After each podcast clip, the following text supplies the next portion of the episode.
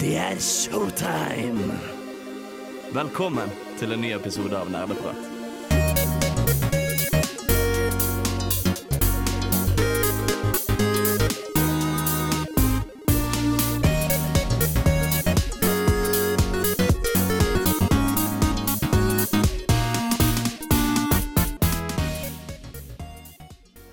Hei og hallo, og velkommen tilbake til en ny episode med Nerdeprat, spillmagasinet på Radio Revolt. Jeg er Trym Håkon. eh, Jeg er programleder, som jeg vanligvis er.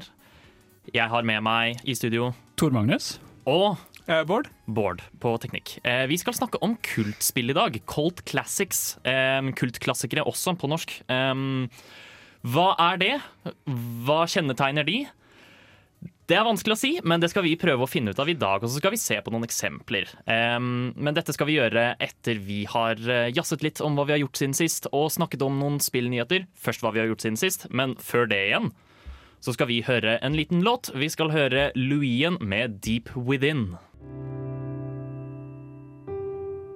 360 No Scope. 420 Blaze It.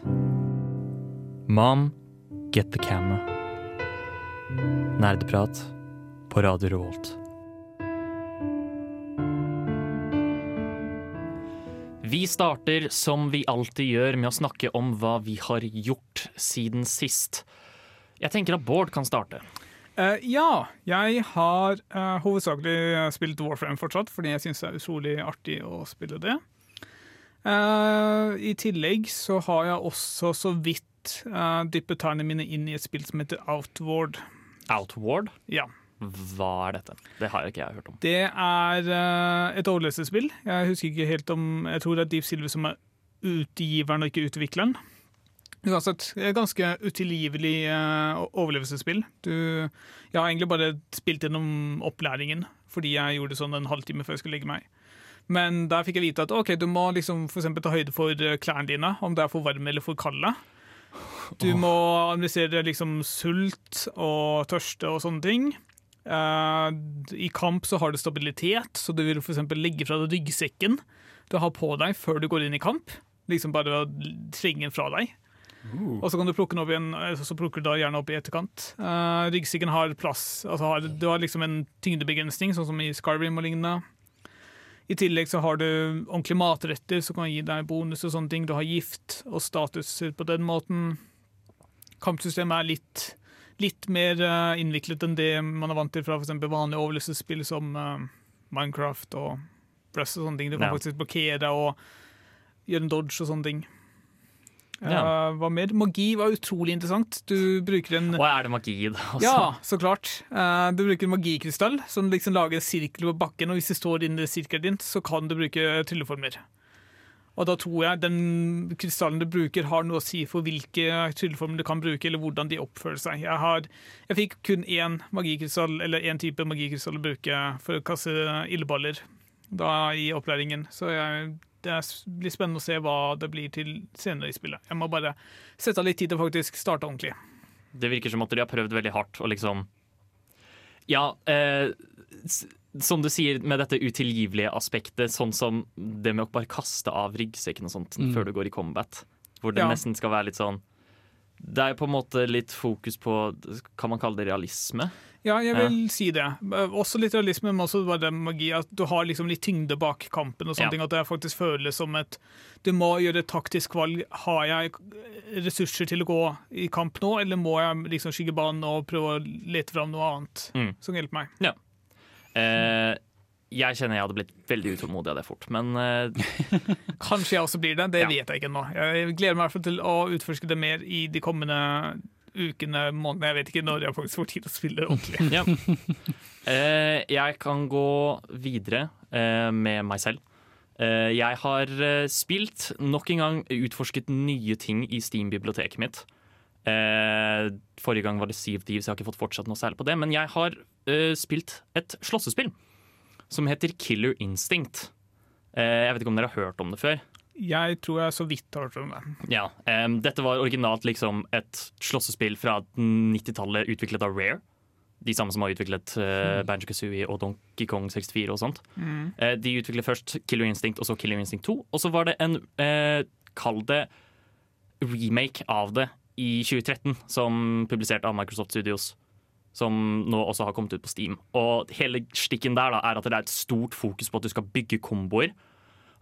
Men du har også eh, den Og den linja har faktisk blitt veldig veldig ikonisk. Eh, du har den combo breaker. Det er fra Killer Instinct. Hvor eh, hvis du trykker f.eks. en light samtidig som motstanderen trykker en light, så kan du ødelegge komboen deres. Men, men, men, men du kan ikke mashe heller, for hvis du trykker feil, så blir du punisha, og så må du bare sitte ut hele komboen. Ja. Så, eh, og så har det sånn system som gjør det at selv de som ikke er så gode på slåssespill, klarer lett å stringe combos, og det setter jeg veldig pris på, for jeg trenger ikke eh, reaksjonsevne til eh, en gaupe eller leopard, eller hva man skal si. Vi burde nevne dette for thai. Ja. Eh, det anbefales. Det, det var veldig veldig kult, og jeg kommer definitivt til å spille mer av dette. Jeg har allerede spilt mer Killer Instinct enn Mortal Kombat 11. Så ja. TM. Jo, eh, jeg har fortsatt spilt eh, Bravely Default en Ja. god del. Eh, nå er jeg i endgame, i, i slutten, så der er det veldig grindy. Det er den delen av spillet som ikke er så populær, hvor de på en måte resirkulerer hele spillet og bare sier ja, nei, oi, du må spille gjennom alt en gang til. Du har alle tingene dine, men du må bare gjøre alt på nytt. Og det, den drar de sånn tre-fire ganger. ja. Så derfor er ikke Bravely Default så populært. Fordi folk har ikke lyst til å bli bedt om å spille gjennom spillet igjen, bare fordi. Ja. Eh, liksom. Men er det noe kjappere enn sånt? Får du Det er kjappere. Du Ja. har alle evnene dine, du har fortsatt airshipet ditt, eh, sånne ting. Eh, men du må liksom ta alle bossene på nytt, og ting er på en måte litt annerledes, og det er for så vidt litt interessant. Men kan du hoppe over liksom eh, eh, dialog og sånne ting? Du kan det, selvfølgelig. Ja. Så det, det er noenlunde OK, men jeg skjønner liksom hvorfor folk legger ned 3DS-en og sier dette gidder ikke', fordi Ja. det er veldig drøyt å dra en sånn en. Eh, men utenom det, jeg snakket veldig lenge med en venninne i dag om å spille Guild Wars igjen. Det originale. Ja. For det var noe som vi begge vokste opp med, og vi bare nerda skikkelig lenge om Guild Wars. Så nå har jeg liksom lasta ned Guild Wars igjen på den nye laptopen jeg fikk, og sitter bare klar til å spille Guild Wars og har liksom begynt å nerde builds og sånne ting. Er det noen grunn til at du ikke vil spille Guild Wars 2? Eh, det var bare Guild Wars 1 som prega barndommen vår okay. ganske mye. Så det var bare derfor. Det var bare tilfeldig egentlig at det er Guild Wars 2 framfor Guild Wars 1. Eller er det fordi du faktisk eh, At Guild Wars 1 er eldre enn deg? De skal spille Guild Wars 1. Jeg spurte hvorfor de ikke spilte Guild Wars 2. Å ja, å ja. Ja, da Da tok jeg jo. Ja. OK, det, vet du hva. Vi, vi skal ikke Da skal vi bare gå videre. Drikk mer kaffe. Vi, ja, vi skal drikke mer kaffe, og mens vi gjør det, så skal vi også høre Sam Gelatry med Duo. Nerdenytt. Det er tid for litt videospillnyheter her på Nerdeprat, og vi skal snakke om eh, litt forskjellige ting. Eh, først, for å starte, så kan vi snakke om en veldig etterlengtet eh, release i Vesten. Eh, nemlig Hva var det det het? Nå, nå, Ace Attorney Chronicles. Ace Attorney. Chronicles, ja. The Great Ace Attorney Chronicles, tror jeg den het. Riktig. Som er Det var vel originalt en eksklusiv eh, Japan eh, Et japansk spill. Ble bare sluppet ut i Japan. Eh, som var eh, et Ace Attorney-spill satt 100 år før Ace Attorney-spillene. Så en slags hva, Kan man kalle det en prequel i det hele tatt? Det er jo, er jo ikke det. Det er ment å bare på en måte si liksom eh, Gi et bilde av hvordan slekten til Phoenix Wright kom fra, på en måte. Ja. Fordi det er liksom forgjengeren hans. Jeg synes også det, Først av alt, det er sånn veldig gøy når det er sånn der OK eh, Et helt århundre Ja. foran, liksom, og så er det sånn Å, det her var uh, hans ancestors. Mm. ja. Er det ett spill, eller er det flere? Det er to. Ja, Mm. fordi det var det jeg mente jeg har hørt. Mm. Og de ble opprinnelig sluppet kun i Japan, og nå får de en vestlig utgivelse. Og Ja. av det jeg kunne lese, så skal de også beholde mye av japansk altså de har, For eksempel så har det noen japanske tegn inni spillet som det liksom ikke er en del av undertekstene. som de da skal Hvis du holder over dem, så blir de da engelsk. Eller altså du vil få engelske navnet på dem. Det er jo veldig stilig. Ja. Eh, en ting som jeg så som jeg synes var litt merkelig, men som for så vidt ikke har noe å si, det er at eh, en engelsk stemme eh, kaller eh, Phoenix Wright for Mr. Naruhodo. Og Naruhodo er jo liksom det han heter på japansk. sant? Ja. Og på engelsk har de jo kalt han Wright. Så det er litt sånn ah, OK, det er litt rart. Det henger ikke, det er ikke helt konsekvent eller konsistent, men, men you know OK. Mm. um, så vidt jeg har forstått, det ene spillet tar sted i Japan, mens det andre spillet tar sted i Victoria-æraen i Ah. Storbritannia. Ehm, Så utrolig merkelig å ha et spill satt til Storbritannia. det, er, det er fordi de er eh, Det skal være Sherlock Holmes, ikke sant? Jo, men fortsatt Hvor karakteren her heter til og med Herlock Sholmes. Ja, og det, det er jo noe som Ace Attorney-spillene gjør. De spiller på navn, og de har gjort det hele veien, og det var så vakkert. Mm. Men jeg, jeg syns fortsatt det er merkelig, fordi alle de andre spillene er vel satt til Japan. Ikke alle, nei. Nei De holder til i Amerika. Ja. ja. Stemmer. Fi, eh, men, men det er et meme eh, om at alle Ace Attorney-spillene bare er sånn Det er så åpenbart at de ikke er Amerika, men de bare sier det. Hvor det er sånn derre eh, Spis hamburgeren din, og, Ja. og så er det bare liksom den mest japanske maten i verden. Ja, stemmer det. Fordi det- tingen er at det er et av spillene som er øh, lokalisert til templene og sånt, så jeg tenkte bare automatisk det var det i Japan. En eller annen store, stor Mm. Japan. Men øh, nei, det er vel ikke det, fordi det er også et filmstudio etter spillene. Mm. Ja, og de gjør også en greie om å reise overseas til, liksom, fra Amerika til andre steder i andre spill. Også. Mm. Så Men dette er altså et spill, eh, og det kommer ut eh, 27. juli til PC, PlayStation 4 og Nintendo Switch. Eh, så for dere der ute som liker Ace Attorney-spillene, og ser etter mer Ace Attorney-spill, eller bare vent på dette en stund, nå får dere det endelig. yes! Så det, det er jeg glad for, i hvert fall. Ja, veldig. Eh, jeg hadde personlig ikke hørt om det før eh, denne nyheten, men eh, det, er, det er fortsatt kult likevel. Jeg Ja. syns jo de spillene er gøye, jeg òg. Mm. Eh, vi skal ha litt flere nyheter, men vi skal høre en liten låt først. Vi skal høre Spider God med At Rainbow's End. Hva er det du liker best ved studentradioen? Jeg hører alltid på studentradioen. jeg. Vi skal snakke mer om nyheter. Eh, og det første som kan være verdt å nevne, er at anmeldelsene til New Replicant har begynt å komme ut. Ja, eh, som vi, jeg tror alle oss egentlig oppdaga veldig nylig, så er det altså en gjenutgivning av det originale NIR-spillet som jeg ikke engang vet helt når det kom ut. Det er en stund siden. Ja. Og som er regna som en kultklassiker, som er veldig passende for denne sendingen. Mm. Nettopp. Eh, og Near så vidt vi forsto, så har det fått det mest, for det meste fått positive anmeldelser. Ja, en uh, Open Critic, som er vel en slags konkurrent til Metacritic, bare mer åpen, uh, så har uh, 90% anbefalt og 83 i gjennomsnittsanbefaling av da 100. Ja. Så ganske høyt av begge deler. Som er veldig godt tegn når eh, man gjenutgir spill. Mm. Jeg vil ville også bare merke dette, eh, fordi jeg så det på YouTube rett før jeg kom ned til studio i dag. Og det var en anmeldelse av Near Replicant hvor det bare sto 'Not nearly as good as Near Automata'. Ok, Så de mener altså at det spillet som kom ut i 20 Jeg husker ikke helt når, er bedre? De, de, de foretrekker Automata. Um, og jeg har ikke sett anmeldelsen, så det kan hende at de fortsatt syns spillet er bra, men at Automata er så mye bedre. Mm. Men det gir jo mening. Ja. Altså det, når du finpusser et gammelt spill, så er det ikke nødvendig altså, Når man lager nytt spill, så har man mulighet til å faktisk forbedre. Når man gjenutgir et gammelt spill, så har man ikke de samme mulighetene uten å ødelegge det mange liker ved det første. Vet vi hvem utviklerne av Replicant er? Eh, utvikleren på Reddit sin samletråd over anmeldelsene er, står det som Toylogic Inc. Ja, ikke sant. Eh, det var jo nå, nå, nå skal jeg tute dems horn litt, men de som lagde Automata, var jo Platinum Games. Som også har laget andre klassikere som Bayonetta og lignende. Platinum er veldig gode. ja, de er veldig gode, så det, det kan jo være av den grunn. Men eh, det virker i hvert fall som at folk liker det Ja. hittil. Som er bra. Ja, jeg er gleder meg til å prøve det på et eller annet tidspunkt. Mm. Mm. Har vi noen flere nyheter å snakke om? Ja, uh, Jason Schreier, uh, hva nå enn han heter. Navnet han er er, vanskelig. ja, han er vel sjef i uh, EA. Han har nå bekreftet at uh, Nice of the Old Republic får en ny utgivelse, eller remake, som kan bety at de utvikler spillet på nytt igjen. Men i hvert fall, det kommer eh, Den er under utvikling eh, hos Aspid Media, som jeg egentlig ikke har hørt noe som helst om. Ja. Dette er veldig, veldig veldig spennende.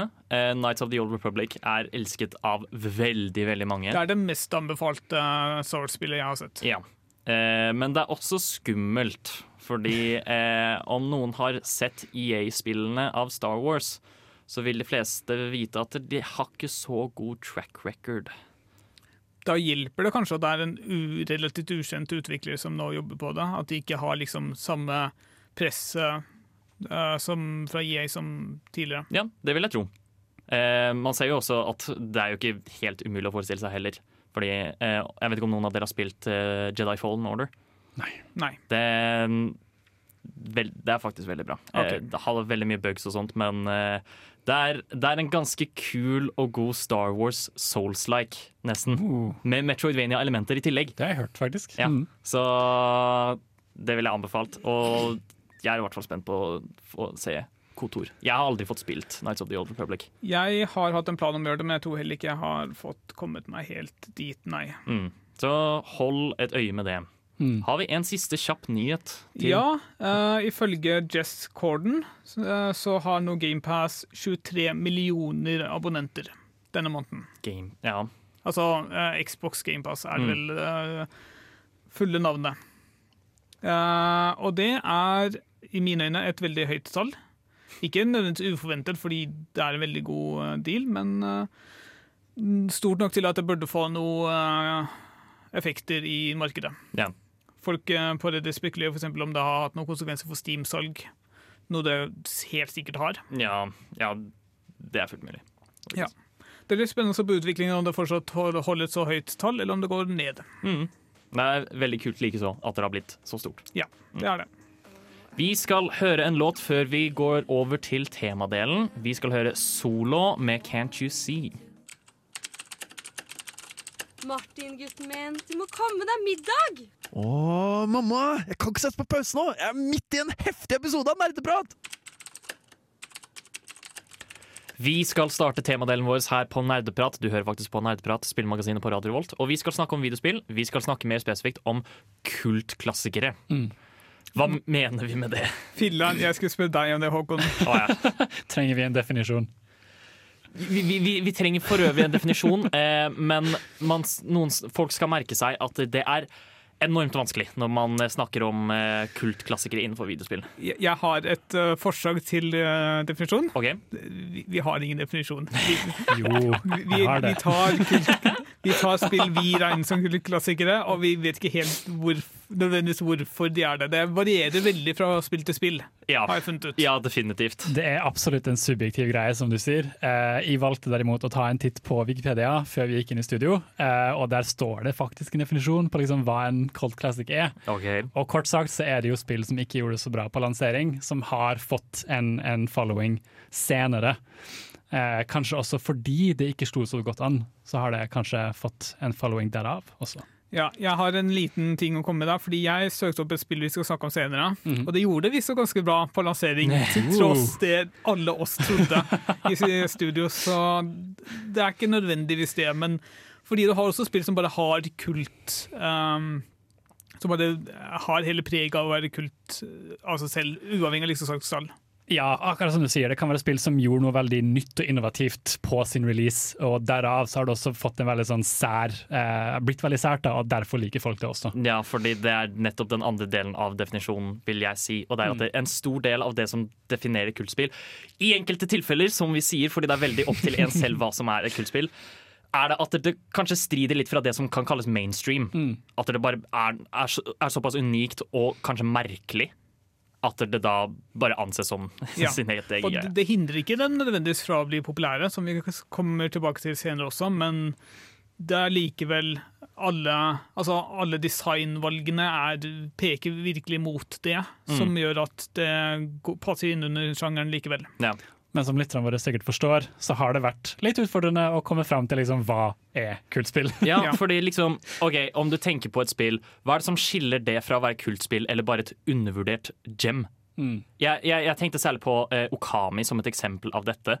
Hvor eh, Jeg ser ikke på det som et kultspill, i det hele tatt, men om det går på internett, så er det veldig mange som gjør det. Nettopp fordi det ikke mottok så mye kritikk, og det var på en måte veldig mye bedre enn det fortjente Ja. Jeg, vil si litt sånn hvor mye det utmerker seg selv. Fordi Okami er utvilsomt et bra spill, og det har veldig innovativt liksom kontrollmåten og sånne ting. Mm. Men det alene gjør det ikke nok til at, gjør ikke at det utmerker seg nok, nødvendigvis. Ja. Fordi det er egentlig veldig, bare en veldig god Zelda-klone. Ja, ja nettopp. Uh, mens noen av de spillene vi skal snakke om her, er liksom er, utpreger seg veldig i forhold til skrivestil, i forhold til det visuelle, sånne ting. Mm. Ja. Så det er en, en vanskelig ting Ja. å gå gjennom. Det er det. Så eh, måten vi har løst dette, er at vi skal gå gjennom noen spill som vi anser som kultklassikere, og så skal vi diskutere det litt. Ja. Det er vel egentlig det vi skal gjøre. Ja. Du får vår take på kultklassikere. Ja. Cult. Eh, og det er definitivt mange flere kultklassikere enn de vi skal snakke om i dag. Så Og noen av spillene våre er kanskje litt i grenseland, men vi syns det er verdt å ta det med likevel. Ja, definitivt. Eh, og apropos når du sier det eh, Vi skal starte ved å bare eh, starte med den store elefanten i rommet, så vi skal snakke om mainstream cult classics med en gang. Eh, for å få det unna veien. Eh, etter dere har hørt Ille Styles og Nicholas F med Furious Styles. Oberst, jeg prøver å snike meg forbi vaktene, men lyden av min rumpeblafreng distraherer dem fra å lytte på nerdeprat.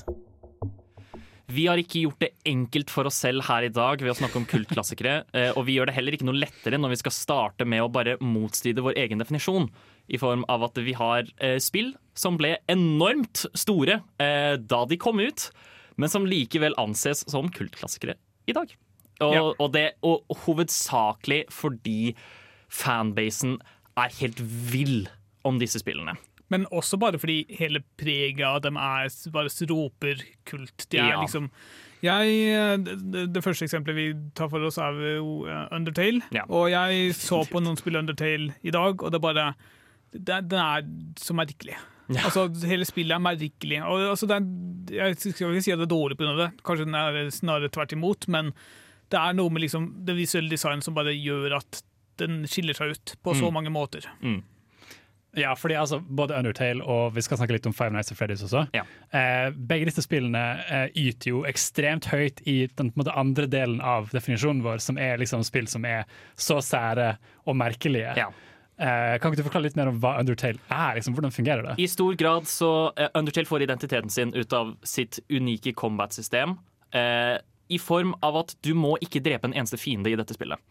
Eh, du kan, hvis du ønsker, eh, bare bli venn med alle fiendene du møter. Du, har eh, fight, og så har du items og bla, bla, bla, men så har du også en knapp som heter mercy, hvor du f.eks. kan gi fiendene dine komplimenter, eller du kan flørte med dem, eller noe lignende.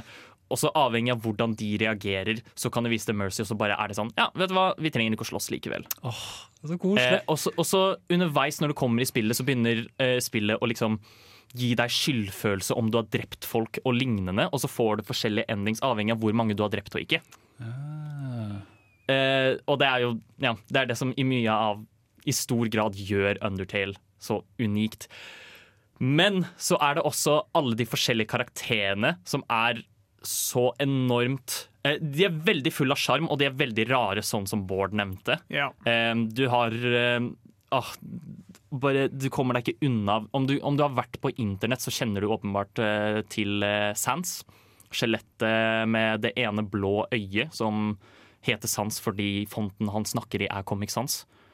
Mm. Og han er liksom aha, Han kommer med bad puns og bla, bla, bla, men så er han også egentlig supermektig. Han er jævlig sterk, liksom. Og så jeg vil, jeg vil trekke fram én episode også, eh, som skjer ganske tidlig i spillet. Som er eh, Du har eh, Sans sin bror som heter Papyrus, og han prøver å fange menneskene.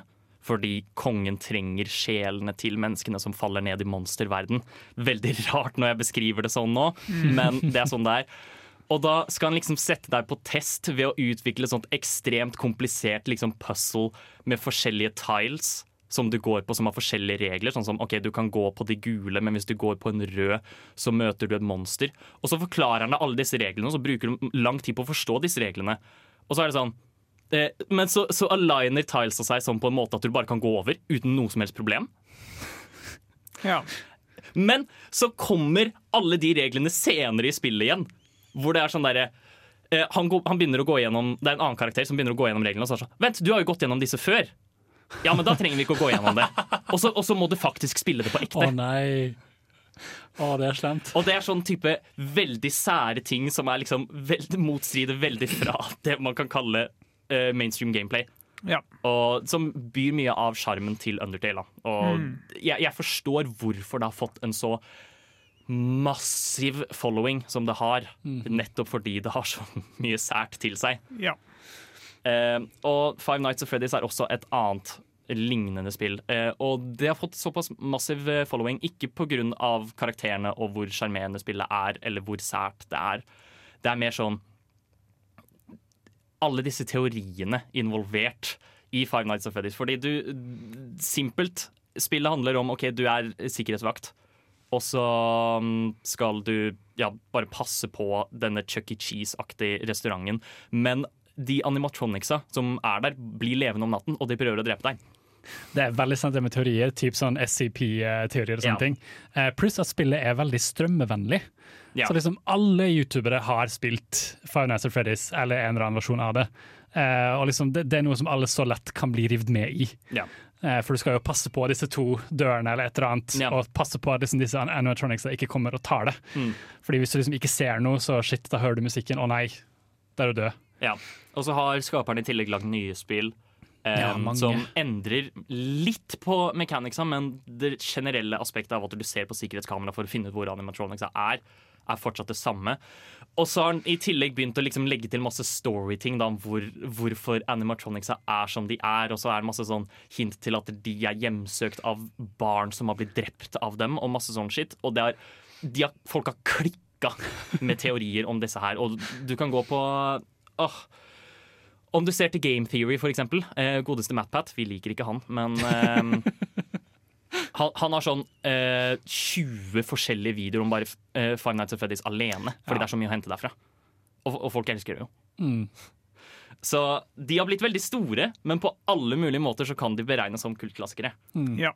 Og derfor har vi valgt å inkludere dem her nå, sånn at vi kan få det unnagjort. Bare for å understreke vanskeligheten av å snakke om Ja. klassikere. Nettopp.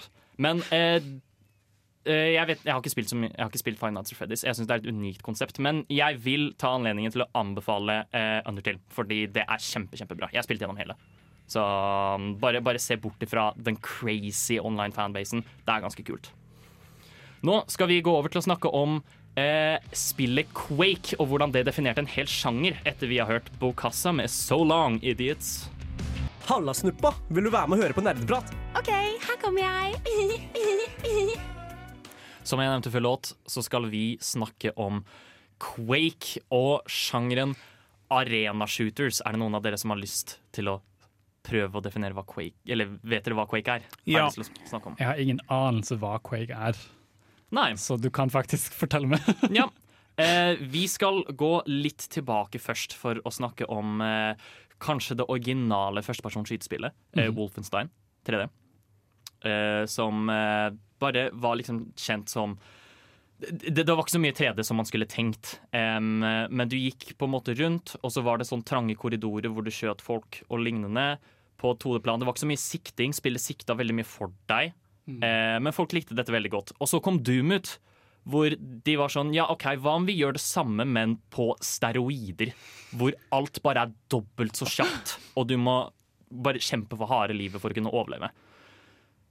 Det eh, gjorde at vi fikk flere spill, sånn som Quake, som i stor grad er kjent. Eh, og, og det er da Doom og Quake særlig som har definert det som kalles arena-shooter-sjangeren. Som er eh, at du blir på en måte plassert i et litt mindre område med fiender eller andre spillere. Eh, og så, mm, ja, Du må åpenbart skyte dem. Og så har du helt sinnssyke kom, liksom, mm, eh, bevegelses... Eh. Hva- hva- Muligheter til å bevege deg. ja. Takk. Klarte ikke å snakke. Um, og Quake, Quake starta jo som eh, et bare vanlig singleplayerspill med multiplayer-muligheter også.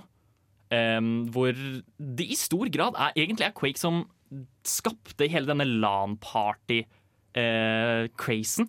og det var der det starta, fordi da var det sånn folk koblet seg opp til nettet sammen, og så spilte de mot hverandre uh, i Quake. Og så var, og så likte folk det såpass. Og så ser du jo f.eks. Halo nå og sånt, som i stor grad har blitt inspirert av Quake på samme måte. Ja, nå ja. Jo, Altså, Halo i- kanskje altså, litt. jeg, jeg, jeg mener ikke spillet, jeg mener hele denne greia med Jeg føler det er, Om du går på internett og folk snakker om Halo 2 og sånt, så var det en stor greie at folk dro på LAN-parties for å spille Halo 2 sammen eh, mot hverandre og lignende. Quake startet den trenden. Mm. Og Quake eh, Og så var det særlig da Quake 3 som liksom gjorde at dette tok av helt. Fordi da bestemte id Software, de utviklerne av Quake, seg for å være sånn Multiplayer-aspektet er ganske kult. Vi liker det veldig godt. Quake 3 er bare multiplayer. Det er ikke noe singleplayer-campaign i spillet. Du kan kun spille mot andre folk. Og folk elsket det. Folk elsker Quake 3, liksom. Nå ja. Uh nå har jo du fortalt om hvor suksessfull eh, Quake var, og hvor stort det faktisk var. Grunnen til at det allikevel er regnet som et kultspill hos oss, er jo fordi det er nesten ingen som spiller Quake lenger. Ja, det er det. De prøvde seg på en slags ny Quake-installation i 2017 med Quake Champions. Men det tok ikke lang tid før det slutta å få støtte. Og så var det også Quake Live som var enda før det igjen, sånn type 2010-2012 kanskje. Men det er fortsatt et spill som er veldig imponerende å se turnering og sånt i. Fordi mye av det som definerer liksom Quake, er jo det veldig raske bevegelser. Det Mm. å kunne bruke for eksempel, det er vel rakett um, våpenet til å hoppe ekstra Ja. høyt. Rocket er- jumping Ah, er det der det er fra? Ja. Ja. Nei, så kult. Uh, portaler som frakter deg fra steder, forskjellige steder i nivået. Ja. Og i tillegg så er det vel er det vel også ganske kjent for det at du kan plukke opp ting på spesielle steder i, eh, på banen, Ja. som gjør at det er type er det en slags konkurranse å ha kontroll over eh, der hvor det er et bra våpen, eller der hvor det er ekstra rustning. Mm. Eh, for de av dere som har spilt det nye Doom og Doom Eternal, så er de i stor grad nesten egentlig mer inspirert av Quake enn Doom. Ja. Eh, rett og slett fordi de designer disse områdene som om det skal være lekeplasser for spillerne. Mm. Hvor de kan bare hoppe rundt og ja, yte alt. Ja. Og hvis du har lyst til å se noen som gjør sånn mot hverandre, på veldig trange korridorer og hvor de, de får til helt sinnssyke ting, så ser du på en Quake-turnering. Ja. Det er veldig kult. Ja. Eh, jeg, jeg har aldri fått sjansen til å spille Quake 3 selv online mot noen. Ikke heller. Men jeg skulle gjerne likt det, eh, fordi jeg er jo veldig glad i arena shooter-sjangeren, som ville- sikkert har skjønt. Du ville tapt så fort. Jeg ville Alle. tapt så jævlig fort. Altså, de, de som spiller det som på profesjonelt nivå nå, er jo, har jo sikkert spilt i type ti år, minst. Ja, altså, og, om du ser på uh, Doom Eternal-gameplay også, så er, er, er metaen der Det kalles bare weapon switching. Hvor du, du dreper en fiende ved å bytte mellom fire våpen på sånn ett sekund. Ja. Uh, Det er liksom en del av kroppen deres Ja. at this point. Ja. wow. Så det er, det, er, det er helt sinnssykt, og det er veldig kult. Det har jo som nevnt definert en sjanger, selv om den sjangeren ikke er så veldig populær. Mm. Ja. Så jeg, jeg vil si sjekk, jeg vil si sjekk eh, noe lignende ut. Definitivt. Eh, fordi, for dere av dere som liker skytespill. Vi skal gå videre i kultklassikkpraten. Vi skal snakke om point and click-spill etter vi har hørt Andy Scott med The Beginning. Ikke fuck med meg! Jeg har kraften til Gud og nerdepappa på min side. Men hæ?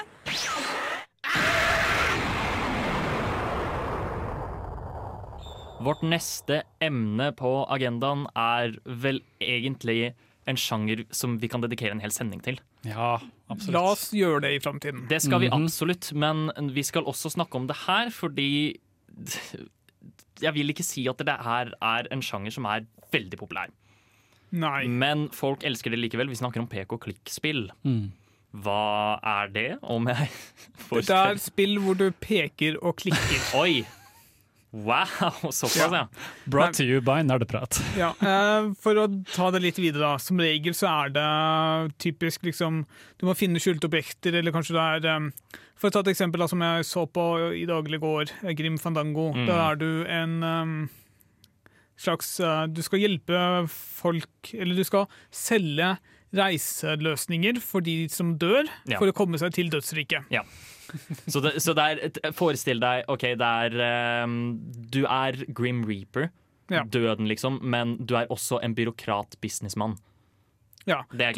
For å komme deg selv til liksom, For å slippe unna dette helvetet som er å selge disse reisepakkene Ja. til de som holder på å dø, så må du klare å selge de dyre, og da må du finne klienter som faktisk har råd til de dyre pakkene. Det, Så- det er litt som å være sånn verver i Røde Kors. No, kanskje. Jeg har aldri vært det. Eh, Det kan kanskje du prate om, ja. Uh, men jeg, jeg kom ikke så veldig langt. Men spillet starter i hvert med at okay, det har skjedd et stort giftutbrudd, eller sånt, så du må liksom komme deg dit. Men å nei, uh, sjåføren din er borte vekk, og det er en mekaniker som kanskje kan hjelpe deg, men da må du få lov til da må du få underskrevet en, liksom, en ordre som sier at ja, mekanikeren kan hjelpe deg å bli Ja. sjåføren din.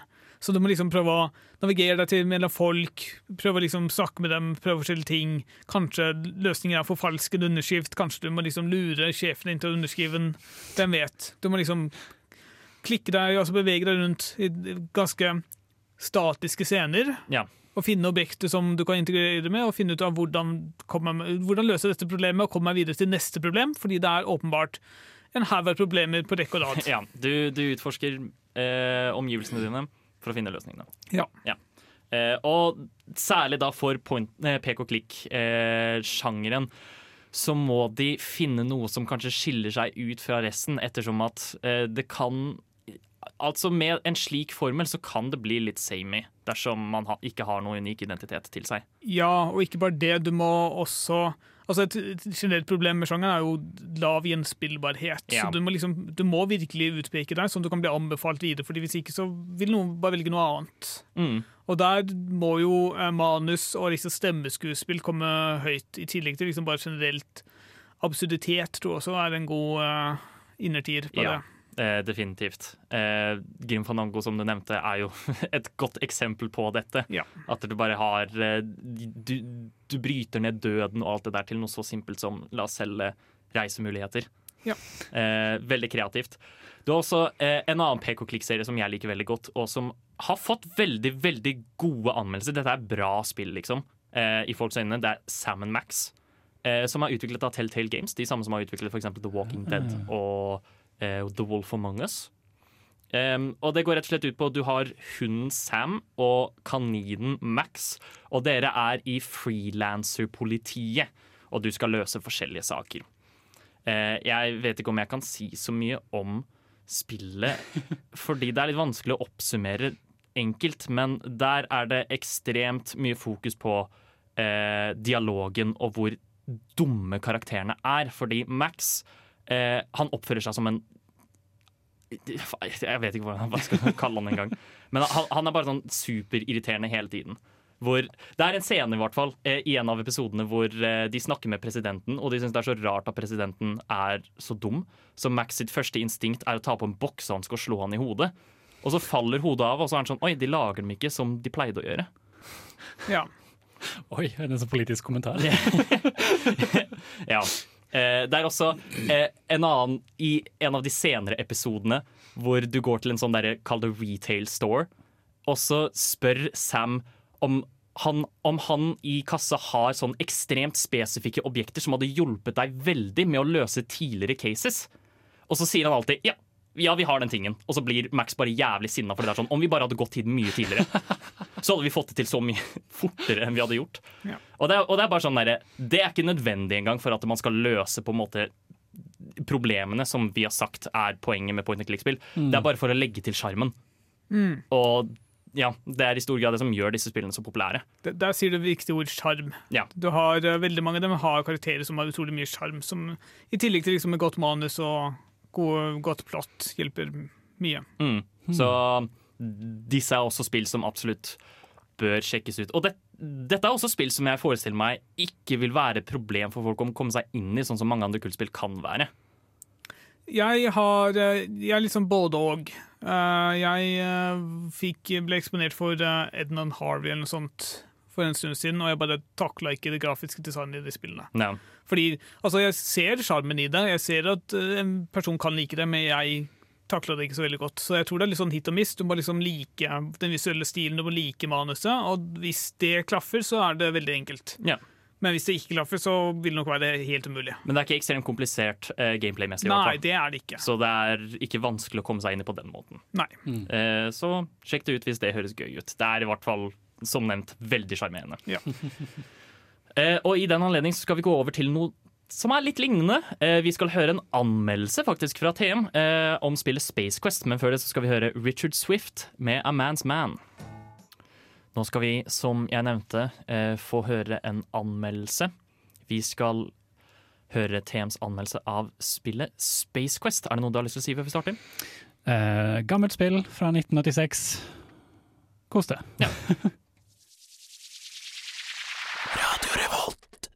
Vaktmesters logg. Stjernedato 01337.1.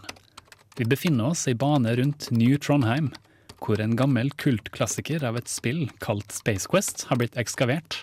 Mens resten av mannskapet er i full sving med å sette seg inn i andre kultklassikere, vil min oppgave være å anmelde dette spillet.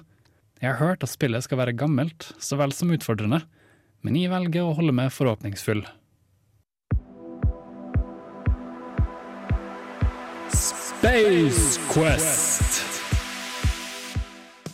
Eller rettere sagt Space Quest-serien er grafiske teksteventyrspill som ble starta av karene Mark Crow og Scott Murphy, som kalte seg Two Guys from Andromeda. Serien ble utgitt av Sierra til PC mellom 1986 til 95, og de var kjent for å være banebrytende innen teksteventyrspill. Som navnet tilsier, er dette en spillserie som finner sted i verdensrommet. Og det er tydelig at de drar mye inspirasjon fra annen romsentrert popkultur av sin tid, sånn som Star Wars, Star Trek og Dune. Spilleren begynner i Space Quest chapter 1, The STARIAN Encounter, hvor vi først blir introdusert til den fantastiske, men noe hjelpeløse hovedkarakteren Roger Wilco. Wilco er en vaskeekte romvaktmester. Nei, en gang til. Romvaktmester på stjernelabben Arcada. Og som da vi ble kjent med han, bråvåkne av beredskapsalarmen etter at han tok en høneblund inne i skipets vaskekott, som er det romvaktmestere gjør. Hele eventyret begynner med at en fiendtlig rase kalt The Sarians har kommet seg om bord på Arcada, og du må komme deg helskinna av romlabben før de tar det også, for så å redde menneskeheten fra dem. Men måten du gjør dette på, er ikke like intuitivt som spill er i dag. I Space Quest må du, som i tråd med andre tekstbaserte eventyrspill i sin klasse, skrive inn kommandoer med tastaturet ditt. Nøkkelord som eksempel look, hvor du skriver look room for å se på rommet du er i, må brukes flittig for å innhente informasjon.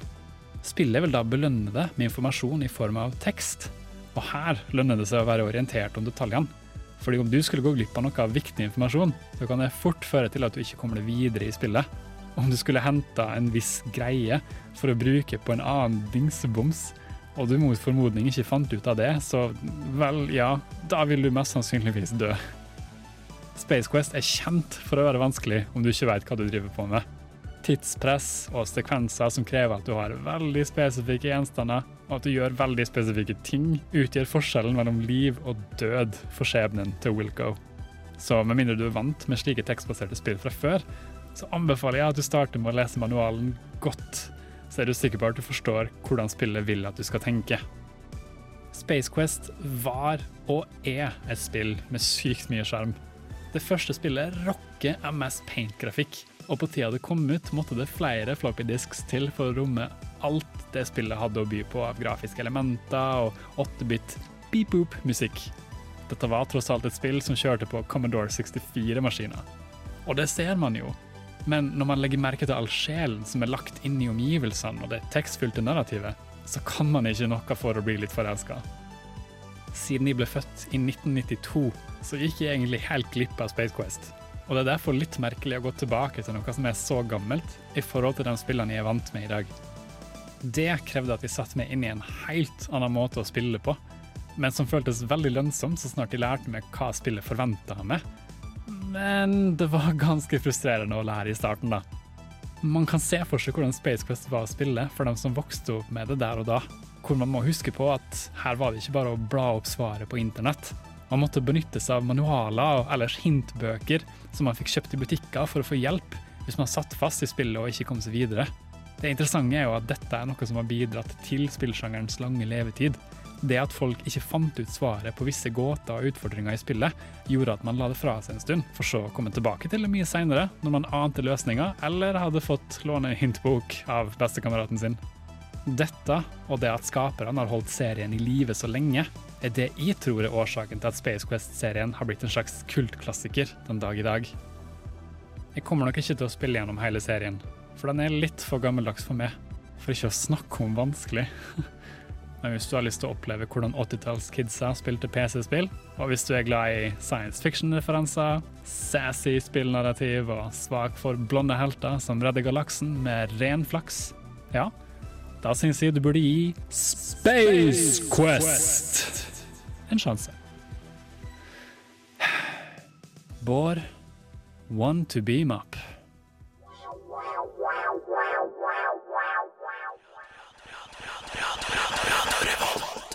Der fikk vi høre TMs anmeldelse av spillet Space Quest. Eh, veldig gøy. Det var veldig gøy å lage den også. Eh, Det var utrolig rart å gå tilbake til noe som var laget i 1986. Ja. Eh, Dette var jo en tid som allerede hadde vært preget med i hvert fall 20 gode år med, med science fiction. Eh, For 20, altså 20 år før så kom jo Frank Herbert ut med Dune. Ti år etter der så kom jo den første Star Wars-filmen. Og nå, altså, da i 1986 så hadde den andre Star Trek-serien The Next Generation, som jeg vokste opp med, Ja. kom ut på samme tid. Så det var så mye å ta av. Eh, og det ser man jo fordi denne serien har jo holdt seg i live eh, vel over liksom ti år. Ja, fordi Hvor gammel er Space Quest? Eh, det er fra 1986. Ja, men liksom Hvor lenge holdt det på? Eller? Oh, right. Uh, jeg sa det i anmeldelsen. Uh, hva var det jeg sa? 1986 til uh, 1995, så, kanskje Ja. si? Eller noe sånt. Kanskje ikke helt ti år, da. Du nevnte i hvert fall at der, eh, Eller du nevnte det ikke, men du nevnte for oss eh, for et par dager siden at hele Space Quest-samlingen ligger på Steam. Ja, den gjør det. Eh, for litt over 100 kroner, 120 tror jeg, så kan du få alle de seks Space Quest-spillene. Eh, så det, det kan være utfordrende. Det, jeg kommer ikke til å spille alle sammen, men uh, you know, de ligger der, så prøv dem. Uh, har vi en science fiction-sending en gang, så kan jeg gjerne gå lenger inn på det. Jeg har et spørsmål i forhold til liksom, tidspresset. Er Ja. det en liksom, nedtelling, eller er det antall turer som du har til rådighet? Fordi det er en nedtelling inni spillet på visse ting, men du ser den ikke. Du aner den ikke. Men for f.eks. i starten eh, så, så må du komme deg ut av dette skipet fordi alarmen går, og du har sovet i et vaskekott, og du må finne ut hva som skjer. Hvis du bruker for lang tid, så vil, vil disse eh, aliensa, the Sarians, bare komme ut av et hjørne og bare skyte det. Og så dør du. Det er liksom OK, liksom takk. Så du må være kjapp til å skrive og kjapp til å Ikke sånn så kjapp, men, men du kan liksom ikke ta det en dagstur gjennom spillet. Nei, du kan liksom Eh, ikke bare lese instruksen og bare bruke fem minutter på å tenke ok, hva, hva er viktigst, hva har jeg lyst til å Kan det hende du dør, ja. Ja, Fordi det skjer ting. Uh, så det, det er brutalt. Overraskende brutalt Ja. for liksom være så gammelt. Mm. Jeg, jeg føler det er veldig sånn typisk trekk for sånne eventyrspill hvor du må skrive for å gjøre kommandoer og sånt. At Mm. de- de er veldig lite intuitive, akkurat sånn som du sa.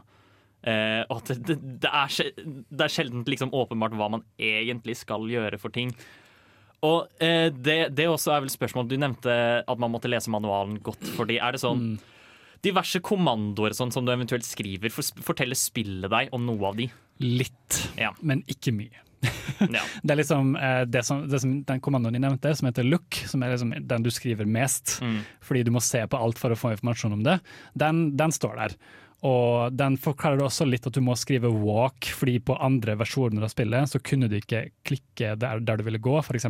Ja. Og da måtte du eh, ha litt andre kommandoer. Eh, men det er veldig mye manualen ikke forteller det, fordi den oppfordrer deg til å utforske og, og finne ut litt ting selv. Ja, ikke sant? for det første spillet. Ja. Eh, det kan være kult, men det kan også være frustrerende. Å ja, det kan være frustrerende. Hvor tilgivende er den? Må du liksom skrive eksempel 'use key on door', eller kan du også skrive 'use key with door'? Eller Den er litt fleksibel der, heldigvis, men det, i Space Coast 1 så er det, det, det er sånn at hvis du ikke får tak i en ting helt i starten, så vil du ikke klare å fullføre spillet. Det er en bitte liten detalj som, som gikk med altså så hus forbi At liksom, Hvis du ikke får den tingen, så vet du ikke koden til å ødelegge bomba på det alienskipet seinere som, som gjør at du vinner. Ja. Så da står du der til slutten og bare, du skjønner ikke hva du skal gjøre. Kan, kan du ikke bare gå tilbake? Du kan jo gå tilbake, men da må du liksom gå gjennom alt på nytt. Ja, men Kan du ikke bare tusle tilbake til der du var i starten, finne koden, Nei, og så bare tusle tilbake? Det kan du absolutt ikke. Det er, liksom, det, det er liksom som å gå fra rom til rom, og når du kommer inn i et annet rom, så kan du ikke gå tilbake. F.eks. fra stjerneskipet til en planet, til en flyvesekvens. Og du bare får ikke lov. Nei. Og, så, og, så, det, så du blir bare fucked? Ja, du du må får begynne på nytt. nå, nå kan jo spillet fullføres på kort tid hvis du vet hva du driver med. Eh, oppfordrer folk til å sjekke ut f.eks. Dan fra Game Grumps. Spiller jo alle Space Cup-spillene. Veldig koselig. Så dette er en framtid hvor vi har mistet muligheten til å gå baklengs.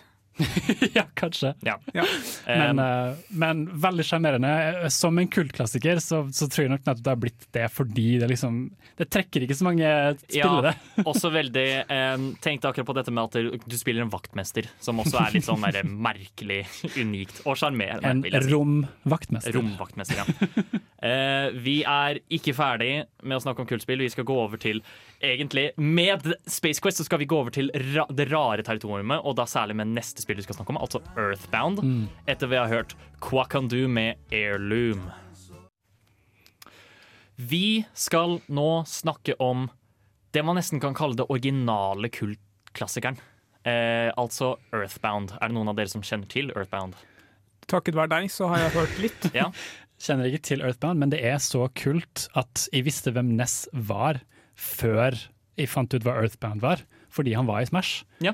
Men spillet han var fra, var ikke i Europa. Men Nei. det var jo Smash. Ja, ja nettopp. Um, Earthbound kom vel til bare Nord-Amerika, så vidt jeg vet. Mm. Uh, og Japan i tillegg. Um, for å kort beskrive handlingen til Earthbound. Uh, du er en kid med navn Ness. Du har psykiske krefter. Eh, ikke spør hvorfor, men du har psykiske krefter. Og en dag så krasjer det en meteoritt hvor det er en flue som forteller deg at du skal redde verden. Ja. Og det eh, er handlingen. Og så skal du gå rundt og finne vennene dine. Eh, fordi det er en prophecy som forteller at det er fire kids som skal hjelpe til da, med å redde verden, og du skal gå rundt og finne disse folka.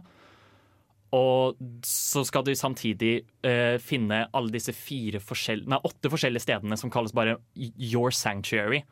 Hvor du skal få en melodi som til slutt blir en sang, sånn at du kan gå og beseire uh, ondskapen selv, altså Geiges. Og det er det Earthbound handler om i stor grad. Men det er ikke grunnen til at det har blitt så populært. Grunnen til at Earthbound har blitt så populært, er fordi det er så jævlig sært.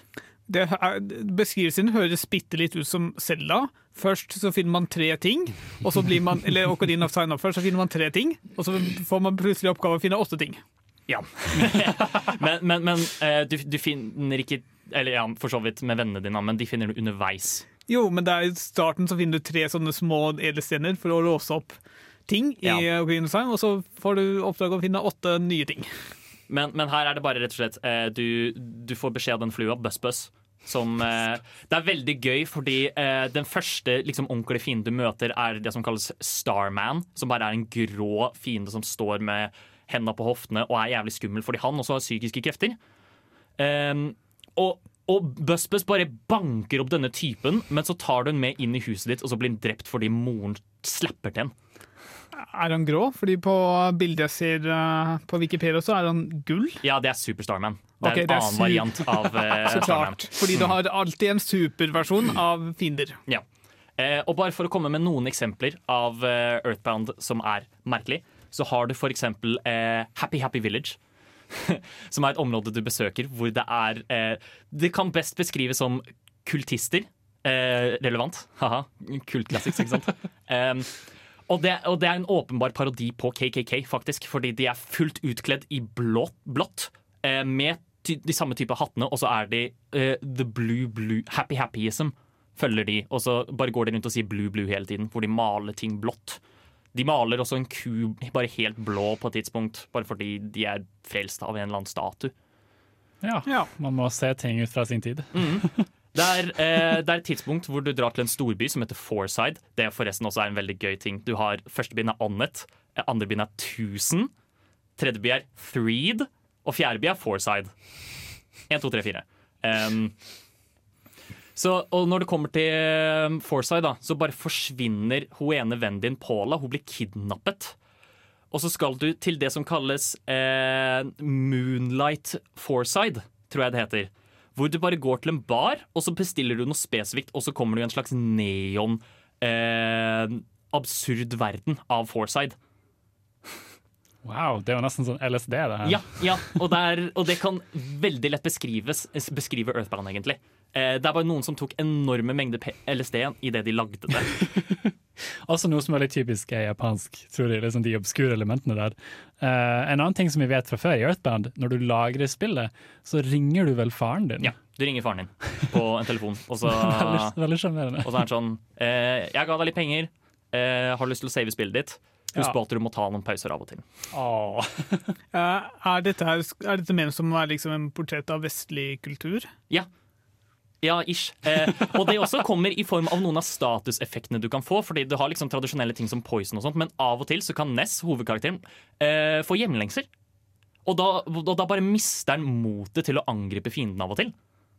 Fordi Oh. Fordi han har hjemlengsel. Å ja. At det er en, en status-element, liksom. Eh, Earthbound er full av sånn sjarm, og jeg, jeg, jeg rakk ikke å snakke om fiendedesignen engang, fordi de også er kjempesære. Anbefaler å søke de opp. Anbefaler også, Det er en video som bare er Cursed Images med Earthbound-musikk, og det oppsummerer perfekt hva jeg snakker om med hvor rare eh, Earthbound-fiendene kan se ut. Ja. Eh, vi skal snakke om den gylne æraen av kultspill nå som vi har gått over til det rare. Fordi på et tidspunkt så bare klikka det helt for spillutviklere med å lage ting. Men før det så skal vi gjøre Sliten liten med Ei Eat deg rike. Du lytter til Nerdeprat fra Radio Revolt. You're listening to Nerd Talk from Radio Revolt. Fra omtrent tidlig 2000 av og ut så kom 3D. Ble 3D introdusert i spill? Altså det ble jo introdusert tidligere, da.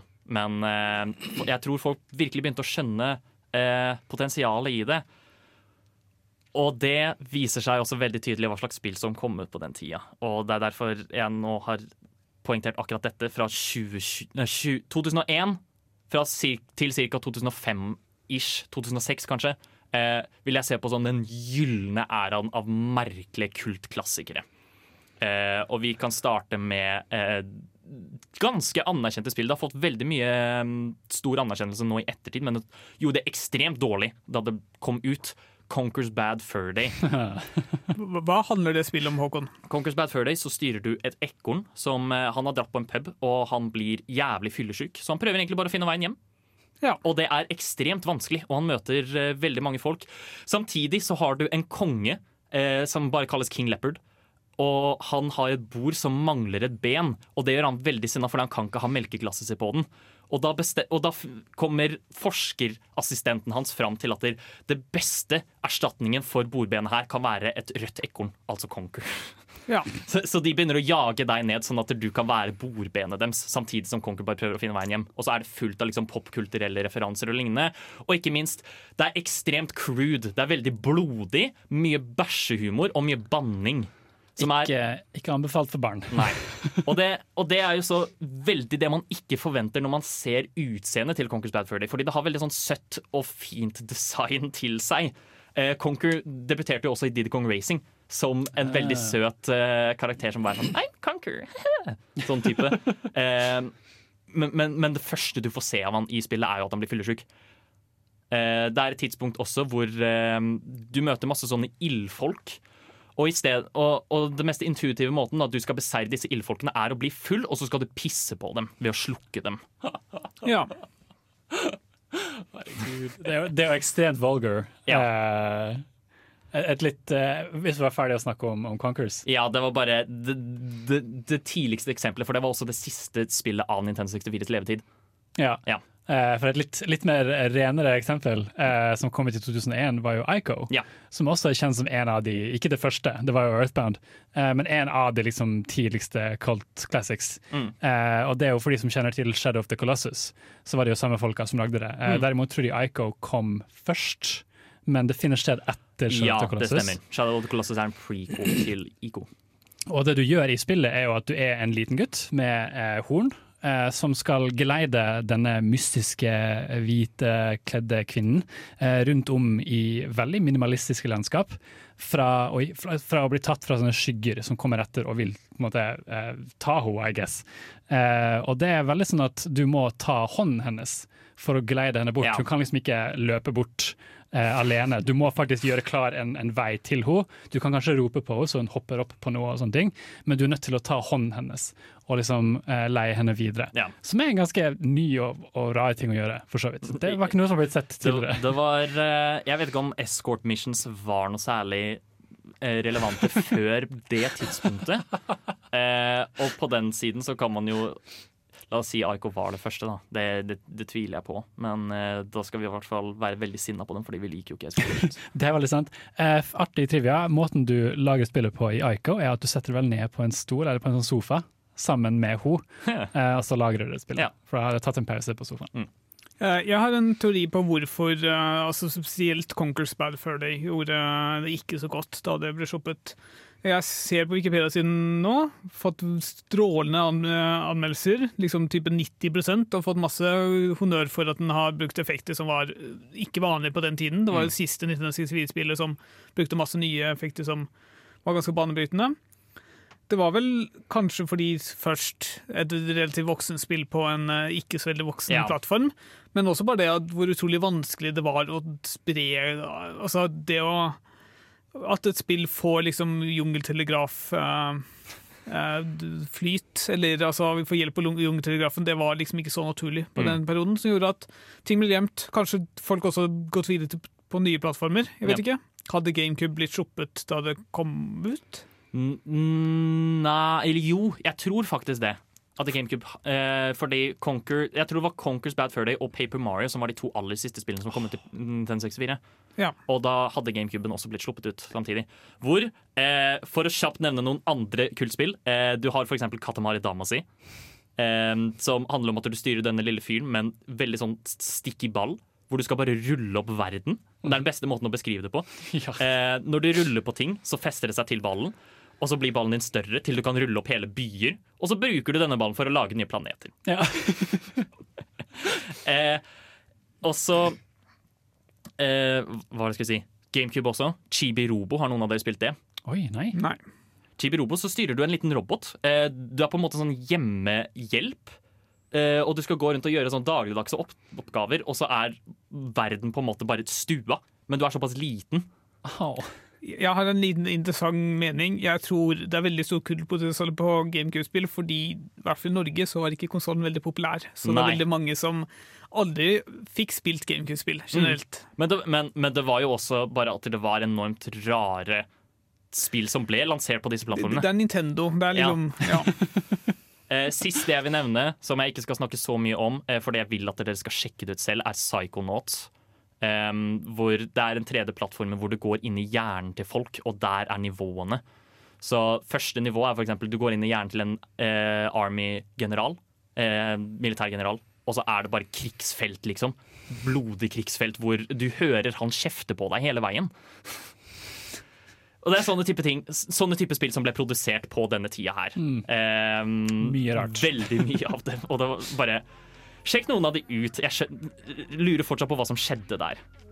Eh, nå skal vi gå over til kanskje den største kultklassikeren av dem alle.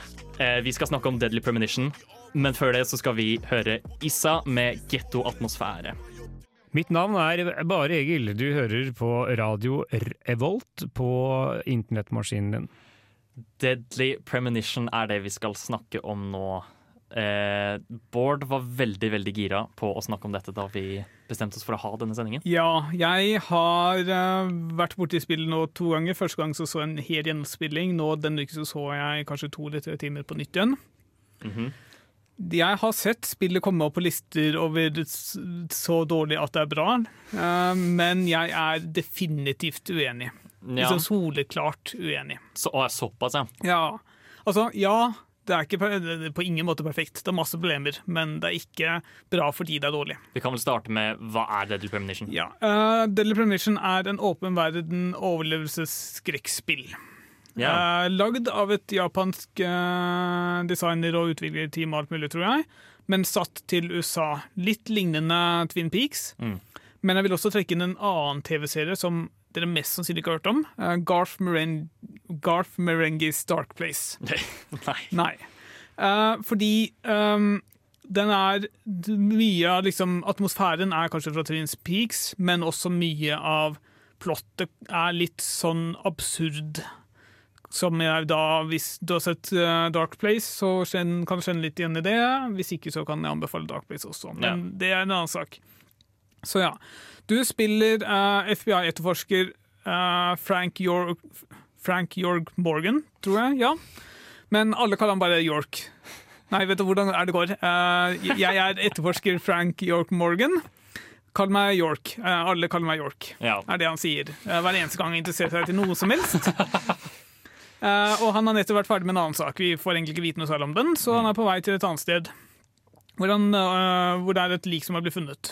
Ja. Så han eh, finner vel eh, litt av starten kommer nok til å bli spolert, men det får bare være. Han finner ut at han er en seriemorder og prøver litt eh, etterforske. Eller han finner likhetstrekk mellom denne saken og tidligere saker, da. Mm. Det som er veldig unikt med denne etterforskeren her, er at han han prater til en person som heter Zack.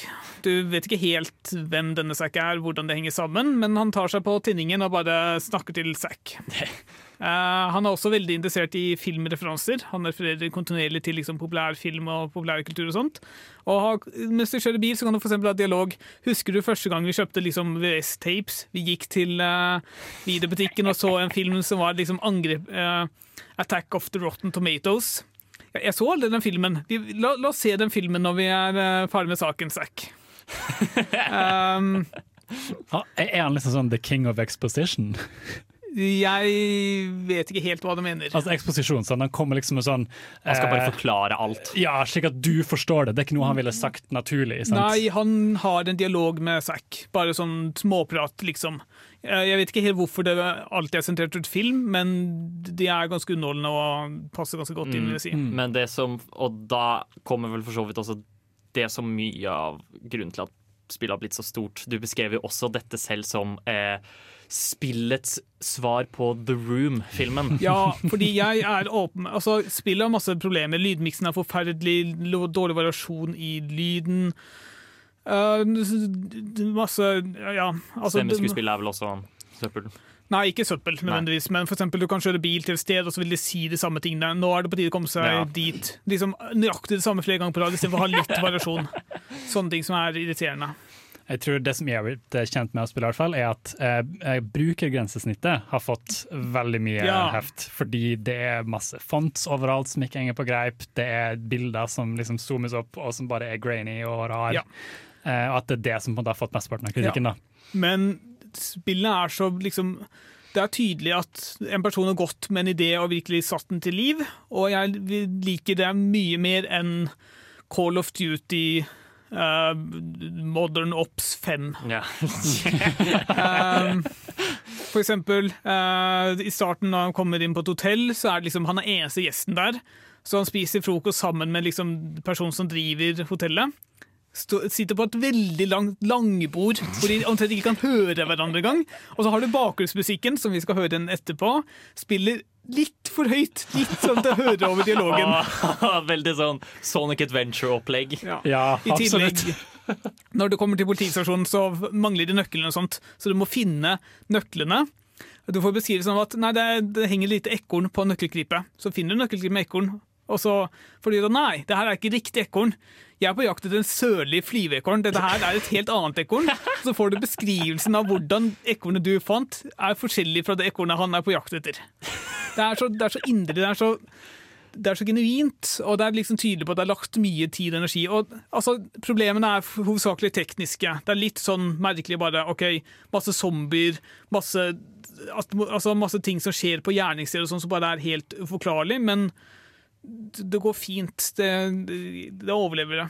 Det, alle disse um, tekniske feilene gir vel for så vidt også spillet litt mer sjarm, Ja, det gjør det. kan man si. Høres ut som et veldig kjært spill. Ja, uh, jeg vil kjapt, veldig kjapt snakke om toeren, som kom i fjor sommer. Uh, det ser ut som det samme spillet som fra eneren, altså, som er liksom ti år gammelt. Så grafikken er forferdelig, ytelsen er forferdelig, men York står på skateboard fra sted til sted. Og han har enda mer filmdialog. Så hvis du liker liksom det genuine og sånt fra eneren, så kommer du til å like toeren også. Men, skateboard. Ja, skateboard. Og en veldig merkelig taxiløsning som må bare oppleves. Ja, ikke sant? Ja. Du nevnte soundtracket, hvordan det alltid spiller litt for høyt. Det skulle nesten spilt litt for høyt mens jeg snakka nå, men eh, dere skal i hvert fall nå få høre eh, Life Is Beautiful i Deadly Premonition soundtrack. Når innså du at du var en gamer? Dersom du kunne spilt kun et spill i et år Hva er det eldste spillet i backloggen din? Hva har du lært fra spill som du har fått nyte av i Er det et spill som har hjulpet deg gjennom en tung periode av ditt liv? Hva er ukas spørsmål? Ukas spørsmål er eh, en ganske vanskelig en, eh, men vi har satt oss litt sånn i det spekulative hjørnet, kan man nesten si. Vi utfordrer oss selv. Ja, vi utfordrer oss selv litt. Grann. Eh, og vi har stilt oss selv spørsmålet Er det noen spill som har kommet ut i ja, skal man si nyere tid, som du ser for deg vil bli en kultklassiker om en stund? Jeg har en jeg, jeg, vet, jeg vet ikke helt hvor overbevist jeg er selv noen gang, men jeg, jeg har veldig lyst eh, til å diskutere potensialet til Death Stranding. Ja. Fordi Death Stranding er, har veldig mye av det man ser etter i sånn type spill. Det er veldig absurd Altså Jeg vil jo tro at historien er godt skrevet etter det jeg har sett av det, men det er fortsatt helt absurd. Det er liksom merkelige ting som bare en mesterhjerne som eh, Kojima kan eh, pønske ut. For de som ikke har hørt oss uh, snakke om eh, tidligere, du er en postbud som bringer ting i en postapokalyptisk verden, og så har du diverse organisasjoner som prøver Jeg husker ikke helt hvordan det henger sammen, men det er du, du, du har masse dusjscener sånn helt uten grunn. Plutselig så popper opp en person med en merkelig paraply som det, Hun heter noe spesielt. Fragile. Fragile, ja. ja stemmer. Hvor catchphrasen hennes er uh, 'Cause I'm fragile, but I'm not that fragile'. Ja, nemlig. Mm. Men ja, jeg syns det blir spennende å se, fordi for min del, jeg kan godt liksom like liksom postbud-tingene. Jeg syns sånne dagligdagse ting kan være interessant, Mm. men jeg vet ikke helt hva jeg syns om historien nå. Så jeg tror tiden vil vise liksom er, også spørsmålet liksom hvordan det blir bygd på videre. Er dette starten på et, en ny IP av uh, Kojima, eller er det bare liksom en enkeltstående ting som får leve eller synke av seg selv? Mm. Ja. Uh, jeg er for så vidt veldig enig i at det, det finnes kultpotensial der. Ja. Eh, rett og slett fordi det er såpass unike ting, rare ting. Og eh, skuespillet kan nesten falle i en litt sånn, i hvert fall for enkelte, forestiller jeg meg, eh, i en So Bad It's Good-opplegg. Ja. Så jeg er helt enig. Jeg tenker at jeg kanskje skal jukse litt ehm, og si eh, et spill som ikke har kommet ennå, men det er uh, kalt et slags remake av en allerede kultklassiker, altså System Shock. Det er definitivt juksing. Ja. Ja, Altså, OK.